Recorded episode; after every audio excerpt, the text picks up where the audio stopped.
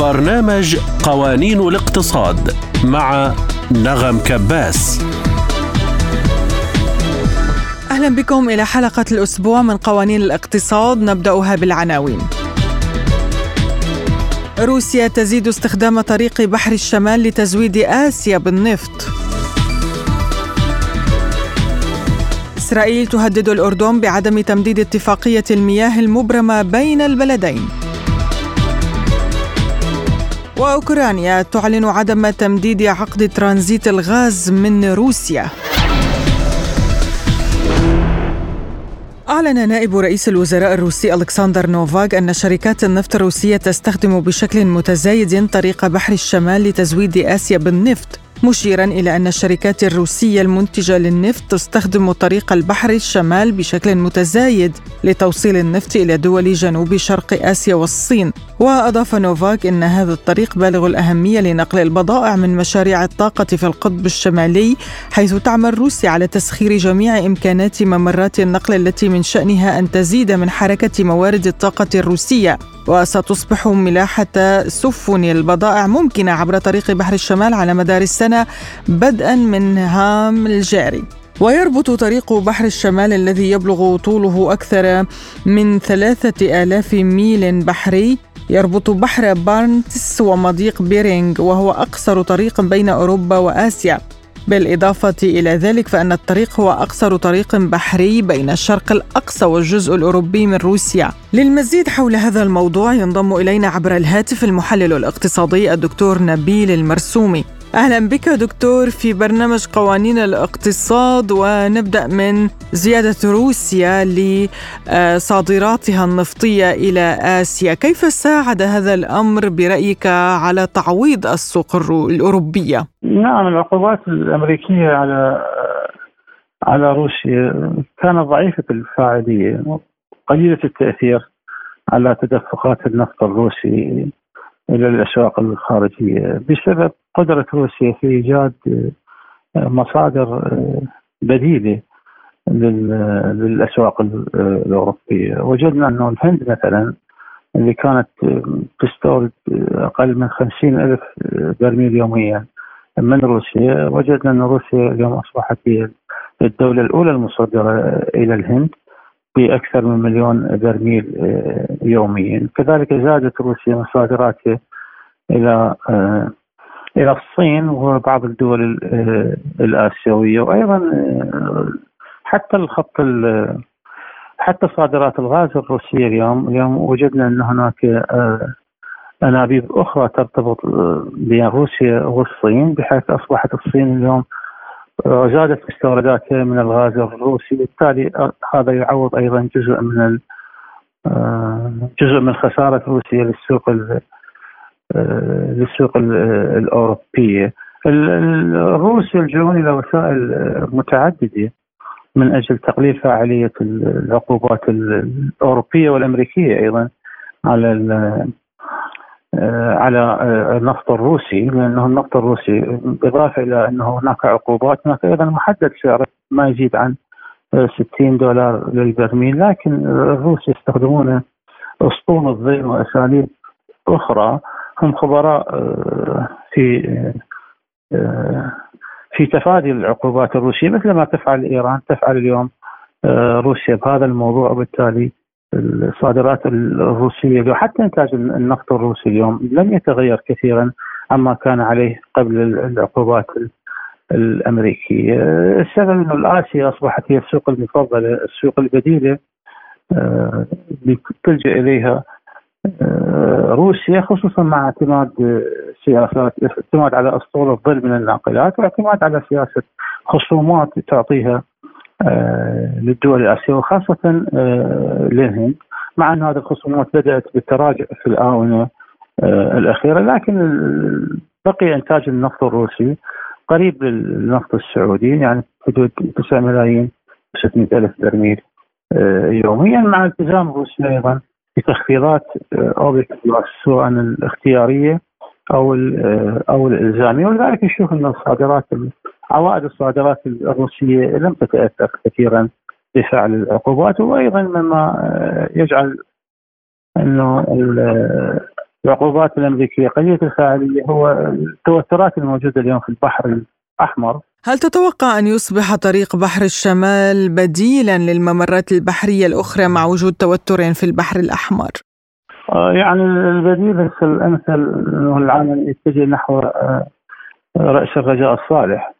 وهذا هذا هذا التوجه لمسار الشحنات حقيقه ليس بالنفط لأنه باب المندب بتمر من خلاله عام 2023 2 ملايين و800 ألف برميل يوميا و4 مليارات متر مكعب من الغاز المسال نلاحظ إن هناك عندما جرى تحويل مسار الناقلات نحو رأس الرجاء الصالح أصبحت المسافة أطول والكلفه أطول أكبر لأنه زادت المسافة حدود 6000 ميل بحري. وهذا انعكس على أسعار النفط. نشاهد أسعار النفط اليوم وصلت إلى 100 إلى 82 دولار. بعدين كانت أقل بخانه السبعينات ويبدو إنه سوف تستمر الأسعار النفط. ارتفاع اسعار ارتفاع اسعار النفط أيضا يحافظ على عائدات نفطية مقبولة للروس بالاضافه إلى إنه التزام روسيا مع السعودية مع دول اوبك بلس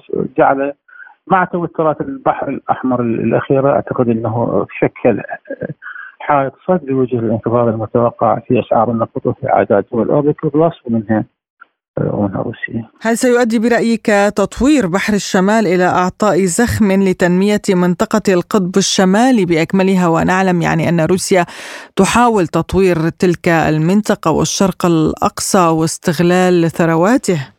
يعني مع ذلك تبقى هذه المناطق ومناطق بحر الشمال استغلال مكلف لأن يعني كلفة الاستخراج هناك عالية جدا. لكن هذا قد يتيح أيضا مجال جديد للبحث عن منافذ تصدير جديدة للصادرات للصادرات الروسية، منطقة بحر الشمال نتكلم عن المنطقة الفاصلة ما بين بريطانيا وفرنسا ثم إنتاج بحر الشمال اليوم معروف إنه إنتاج عالي الكلفة. لكن مع ذلك أيضا ممكن إن الروس يجدون منفذ آخر ل بصادرات نفطية أخرى باتجاه شرق أوروبا مثلا خصوصا العقوبات ليست صارمه بامكان الروس التفادي هي سوق اسواق جديدة واعده ممكن أن تشكل زخم جديد للصادرات الروسية. لكن مع ذلك تبقى آسيا سوق آسيا الواعدة الكبيرة خاصة الهند والصين هي أكبر جاذب للصادرات الروسية. اليوم هذان البلدان يستوردان بحدود مليونين ونصف برميل آه، يوميا. أعتقد إن هذا معظم صادرات روسيا لأنه روس أيضا لديهم طاقة تكرير كبيرة. بحدود 6 ملايين آه، برميل يوميا.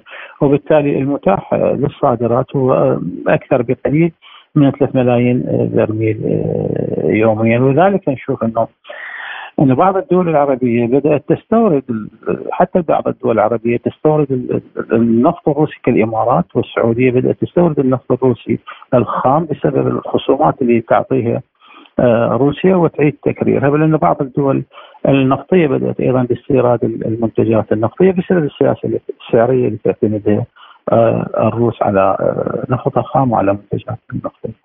كيف ترى دكتور مستقبل الاستثمارات الروسية النفطية في الدول العربية؟ يعني الاستثمارات الروسية معروفة أنه في قطاع النفط حتى في العراق لديها استثمارات كبيرة في قطاع النفط العراقي واحد من أكبر الحقول وحق الغرب للقرن اثنين هناك استثمارات روسية آه، كبيرة أنا أعتقد أنه الروس لا يعانون من مشكلة في في تسويق النفط الخام وفي تسويق المشتقات النفطية؟ هم يعانون مشكلة أخرى من إنه الوضع النفطي في العالم سوق النفط اليوم لا استبعدنا التوترات الجيوسياسية في منطقة الشرق الأوسط وتوترات البحر الأحمر. سوق النفط ضعيف اليوم وهذا ما فرض على أوبك تخفيض آه، إنتاجه بمقدار 4 ملايين و650 ألف برميل. الروس مع السعوديين التزموا بتخفيضات أكثر من مليون برميل يوميا، هذا هو العامل اللي أصبح أكثر تاثيرا على على عوائد الصادرات النفطية الروسية لأنه اليوم نتكلم عن روسيا وعن السعودية الخط الاساس هو واحد 11 مليون برميل لكليهما لكن في في هذا الشهر في شهر كانون الثاني هناك تخفيضات طوعيه التزمت بها روسيا وبالتالي نحن نعرف انه الإنتاج الروسي سينخفض مع السعودي إلى حدود 2 ملايين و600 ألف برميل. هذا الوضع يرتبط بالتزامات روسيا ودول اوبك بلس ضمن هذه ضمن هذا التحالف الدولي هو الذي إذا لم تستجيب الأسعار فترتفع لتغطيه النقص المتوقع في إنتاج وصادرات كل دول اوبك بلس أكيد آه، سوف تعاني من العوائل أو من قلة العائدات آه، النفطيه بمعنى إنه إن دول أوبك التزامها بالتخفيض الطوعي والإلزامي هو الذي أفقده جزء من حصته السوقية. نعرف إن اليوم الانتاج الأمريكي ازداد وبلغ أعلى معدل له تجاوز 19 مليون برميل و300 ألف يوميا بريطانيا المكسيك كندا اليوم استحوذت على الحصص السوقية. وبالتالي الضعف الواضح في سوق النفط هو الذي أصبح يؤثر على دول اوبيك بلس ومنها روسيا، روسيا هي نسبة الاستثناء الوحيد، أعتقد أن العقوبات الأمريكية على آه، روسيا أصبحت آه، عقوبات إسمية آه، قليلة الفاعلية. وبالتالي الروس هم يصدرون كل كمية النفط المتاحة لديهم مثل ما يفعل تماما الإيراني وليس هناك فائض في الإنتاج غير قابل للتصدير. المحلل الاقتصادي الدكتور نبيل المرسومي كنت معنا عبر الهاتف من العراق شكرا لك على هذه المداخلة. أفادت وسائل إعلام إسرائيلية أن تل أبيب تدرس وقف ضخ المياه إلى الأردن وعدم تمديد اتفاقية الماء مقابل الكهرباء وذلك بعد تصريحات وصفت بأنها مناهضة لإسرائيل من مسؤولين كبار في المملكة وعلى رأسهم وزير الخارجية الأردني أيمن الصفدي حول ما يتعلق بالحرب على غزة. وأكدت الحكومة الأردنية أنها لم تتلقى أي قرار من الجانب الإسرائيلي يتعلق بعدم تمديد الاتفاقية. حسب الناطق باسم مجلس الوزراء ووزير الاتصال الحكومي الدكتور مهند المبيضين لمناقشة هذا الموضوع ينضم إلينا عبر الهاتف من عمان المحلل الاقتصادي الدكتور مازن إرشيد. أهلا بك دكتور في برنامج قوانين الاقتصاد ونبدأ من العواقب. المترتبة على توقف إمدادات المياه للأردن إذا نفذت إسرائيل تهديدها. آه، طبعا العواقب آه، في حال قامت إسرائيل بهذا الإجراء يعني ما بدنا نقول أنه مستبعد لأنه حتى نهاية هذا العام مفروض أنه الاتفاقية يجب أنها تستمر. لما تبقى من هذا العام. لكن بعد نهاية هذا العام إذا قررت إسرائيل أنه عدم تجديد الاتفاقية اللي هي توريدها بحوالي 100 مليون متر مكعب من المياه إلى الأردن طبعا له آه، بالتأكيد رح يكون له آه، يعني عواقب آه، صعبة. على الأردن. الأردن معروف أنه من بين أفقر الدول في العالم في الموارد المائية وبالتالي آه، يعني هو بحاجة إلى موارد إضافية آه، للمياه. آه، ال مليون متر مكعب اللي بتورد إسرائيل للأردن بشكل سنوي هي من أصل 900 مليون آه، متر مكعب هي حاجة الأردن سنويا. الشعب الأردني بيستهلك بحدود ال 100 مليون. 900 مليون آه، متر مكعب. يعني بنحكي عن حوالي 10 إلى 12% آه، رح يفقدها الأردن بشكل يعني مباشر. آه، وبالتالي رح يكون له تداعيات سلبية بطبيعة الحال لأنه مثل ما ذكرنا أن الأردن بيعاني من أصلا حتى مع هاي المئة مليون متر مكعب من إسرائيل بيعاني من مشاكل في الموارد الماء آه، المائية نعم دكتور يعني هل يمكن أن تؤثر هذه الخطوة أيضا على اقتصاد إسرائيل؟ طبعا الجزء الثاني من الاتفاق بين الأردن وإسرائيل فيما يتعلق بالمياه إنه كمان الأردن آه، آه، يورد الكهرباء آه، يعني من خلال توليدها في الأردن وإنتاجها ومن ثم يعني يتم تصديرها إلى إلى إسرائيل.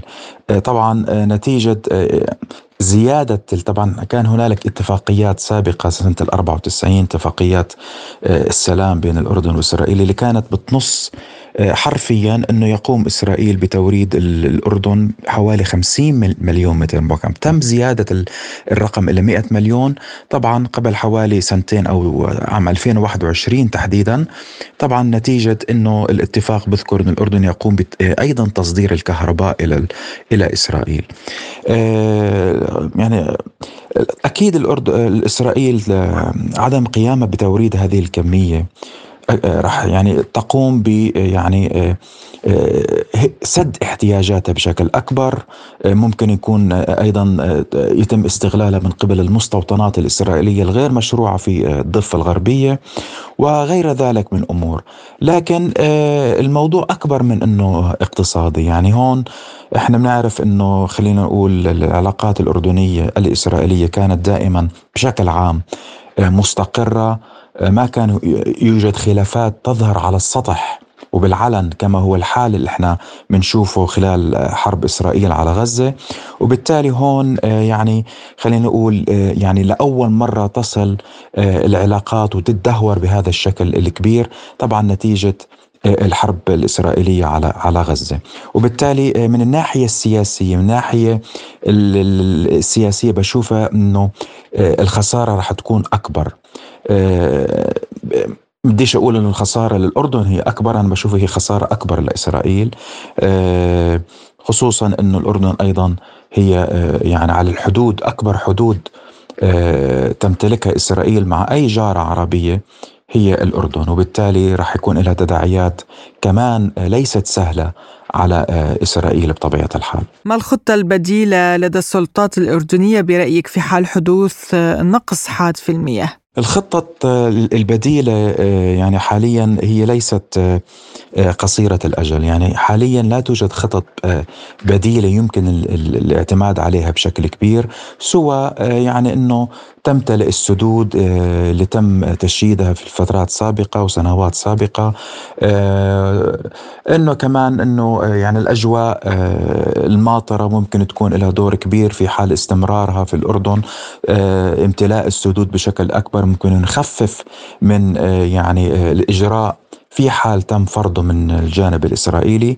أنا بشوف إنه من المهم الاستعجال بموضوع مشروع ناقل البحرين. هو هو يعني مشروع أردني وطني. للأسف يمر بفترات طويلة من التأجيل. كان من المهم إنه يكون هنالك تركيز أكبر على هذا المشروع. وهو لما نتكلم عن مشروع البحرين مشروع نقل المياه من البحر الأحمر إلى نهر الأردن أو البحر الميت تحديدا ويساعد في يعني تخفيف من بشكل كبير من الضائقة المالية المائية اللي يعني بيعانيها الأردن بشكل كبير. لكن هذا المشروع طويل الأجل. إحنا يعني وأعتقد أنه مشاريع خلينا نقول آنية ليست متاحة للأسف سوى التركيز على زيادة القدرة الاستيعابية للسدود المائية في الأردن وغير ذلك والأمطار وغير ذلك من أمور وهي طبعا يعني أيضا بحاجة إلى دراسة بشكل أكبر حتى يتم تخفيف الانعكاسات السلبية لو قامت إسرائيل بفرض مثل هذا الإجراء. وماذا عن الزراعة دكتور والمشاريع الزراعية ما تأثير ذلك عليها؟ حسب اعتقادي بأنه يعني الكثير من المناطق الحدودية في الأردن غور الأردن وهي منطقة زراعية الحقيقة. يعني بتمتاز بخصوبة الأرض وأيضا احتياجها الكبير لموارد مائية كافية لذلك في حال أنه تم تفعيل هذا الإجراء من الجانب الإسرائيلي ممكن يكون له تداعيات أكبر على يعني المزارعين خصوصا المتاخمين الحدود مع إسرائيل تحديدا. لذلك فعلا نعم من المتوقع يكون هنالك آثار سلبية على المزارعين على الزراعة بشكل العام، لكن كل ذلك طبعا مرتبط بقدرة الدولة الأردنية على إيجاد حلول. إحنا بعدنا بشهر يناير ما تبقى حتى إنه عدم تجديد مثل هذه الاتفاقية. إحنا لا نزال نمتلك متسع من الوقت البحث عن بدائل جديدة.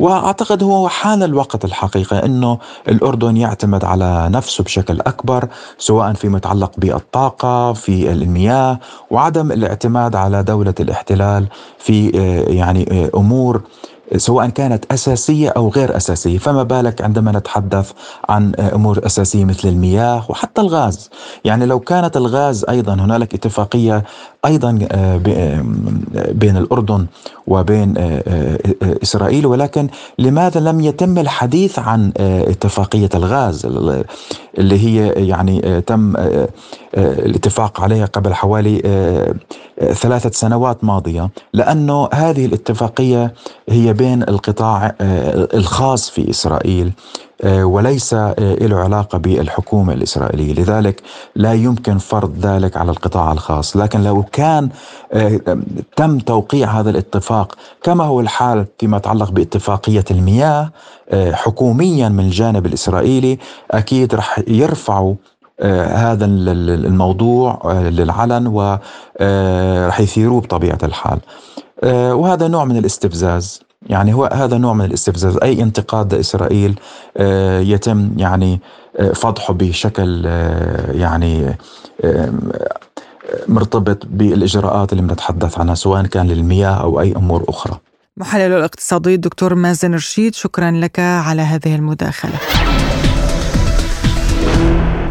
صرح وزير الطاقة الأوكراني جيرمان جالوشينكا أن بلاده قد تتوقف عن استيراد الغاز في العام الحالي قائلا نحن قريبون من تحقيق التوقف عن استيراد الغاز. في الواقع يمكن في هذا العام تحقيق توازن صفري في مجال الغاز. لكن من المهم أن نفهم هنا أن استهلاكنا للغاز قد انخفض بشكل حاد. سيعتمد الكثير على كيفية تطور الصناعة والاقتصاد. اليوم هناك نمو في الإنتاج هناك إمكانية للزيادة وهذه إمكانات حقيقية. بدورها نقلت وسائل إعلام اوكرانيه عن المكتب الصحفي للحكومة أن كييف تدحض بشكل قاطع عن المعلومات حول استعدادها لتمديد عقد ترانزيت الغاز من روسيا الذي ينتهي في نهاية هذا العام. لن تتفاوض أوكرانيا مع الروس ولن نمدد العقد. هذا ما أبلغه رئيس وزراء أوكرانيا لنظيره سلوفاكي. للخوض في هذا الموضوع ينضم إلينا عبر الهاتف أستاذ الاقتصاد البروفيسور مراد كواشي. أهلا بك دكتور في حلقة اليوم من قوانين الاقتصاد. أهلا بك سيدتي الفاضلة. تحية طيبة وسلام عطر لك وللمستمعين الكرام. يا أهلا بك. يعني آه، آه، أوكرانيا تقول بأنها لن تمدد اتفاقية ترانزيت الغاز الروسي عبر أراضيها. كيف سيؤثر ذلك على أوروبا التي تعاني أصلا من أزمة؟ أعتقد أن الآن حان الوقت أن ينقلب السحر على الساحر. يعني الدول الأوروبية التي طالما ربما آه، حاولت آه، آه، ودعمت أوكرانيا في حربها ضد روسيا أعتقد أنها الآن ستتحمل عبء هذه الحرب وتكاليف كبيرة بسبب قرار أوكرانيا بعدم تمديد مرور الغاز الروسي على أراضيها لروسيا التي ربما كانت في أكثر من خمسين سنة هي المصدر الموثوق في لتوريد الغاز للقارة الأوروبية. وكان الغاز الروسي بتكلفة متواضعة جدا يعني والتزمت روسيا بالوفاء بجميع التزاماتها اتجاه شركائها الأوروبيين. أعتقد أن قرار أوكرانيا هذا سيؤثر كثيرا على العديد من الدول الأوروبية. الأوروبية خاصة في فصل آه، الشتاء لماذا؟ لأنه صحيح أن هناك بعض من الدول التي قللت اعتمادها على الغاز الروسي لكن الأمر ما زالت هناك دول أوروبية كثيرة تعتمد على الغاز الروسي مثل المجر إيطاليا سلوفاكيا هذه الدول اعتقد انها ستتاثر وستقع في ازمه كبيره أزمة قويه بسبب قرار آه، أوكرانيا. نعم دكتور يعني كيف سيؤثر ذلك أيضا على الاقتصاد الأوكراني نفسه؟ لأنه كما تعلم أوكرانيا تجني أرباح طائلة من خلال عبور الغاز الروسي عبر أراضيها. نعم بالتأكيد يعني آه هذه آه آه ربما من يتحمل العيب هو الدول الأوروبية التي أسلفت آه التي أسلفت لك ذكرها. بالإضافة إلى أوكرانيا ذاتها والتي تجني مبالغ كبيرة في مقابل السماح لربما آه، للغاز الروسي بمرور أوكرانيا.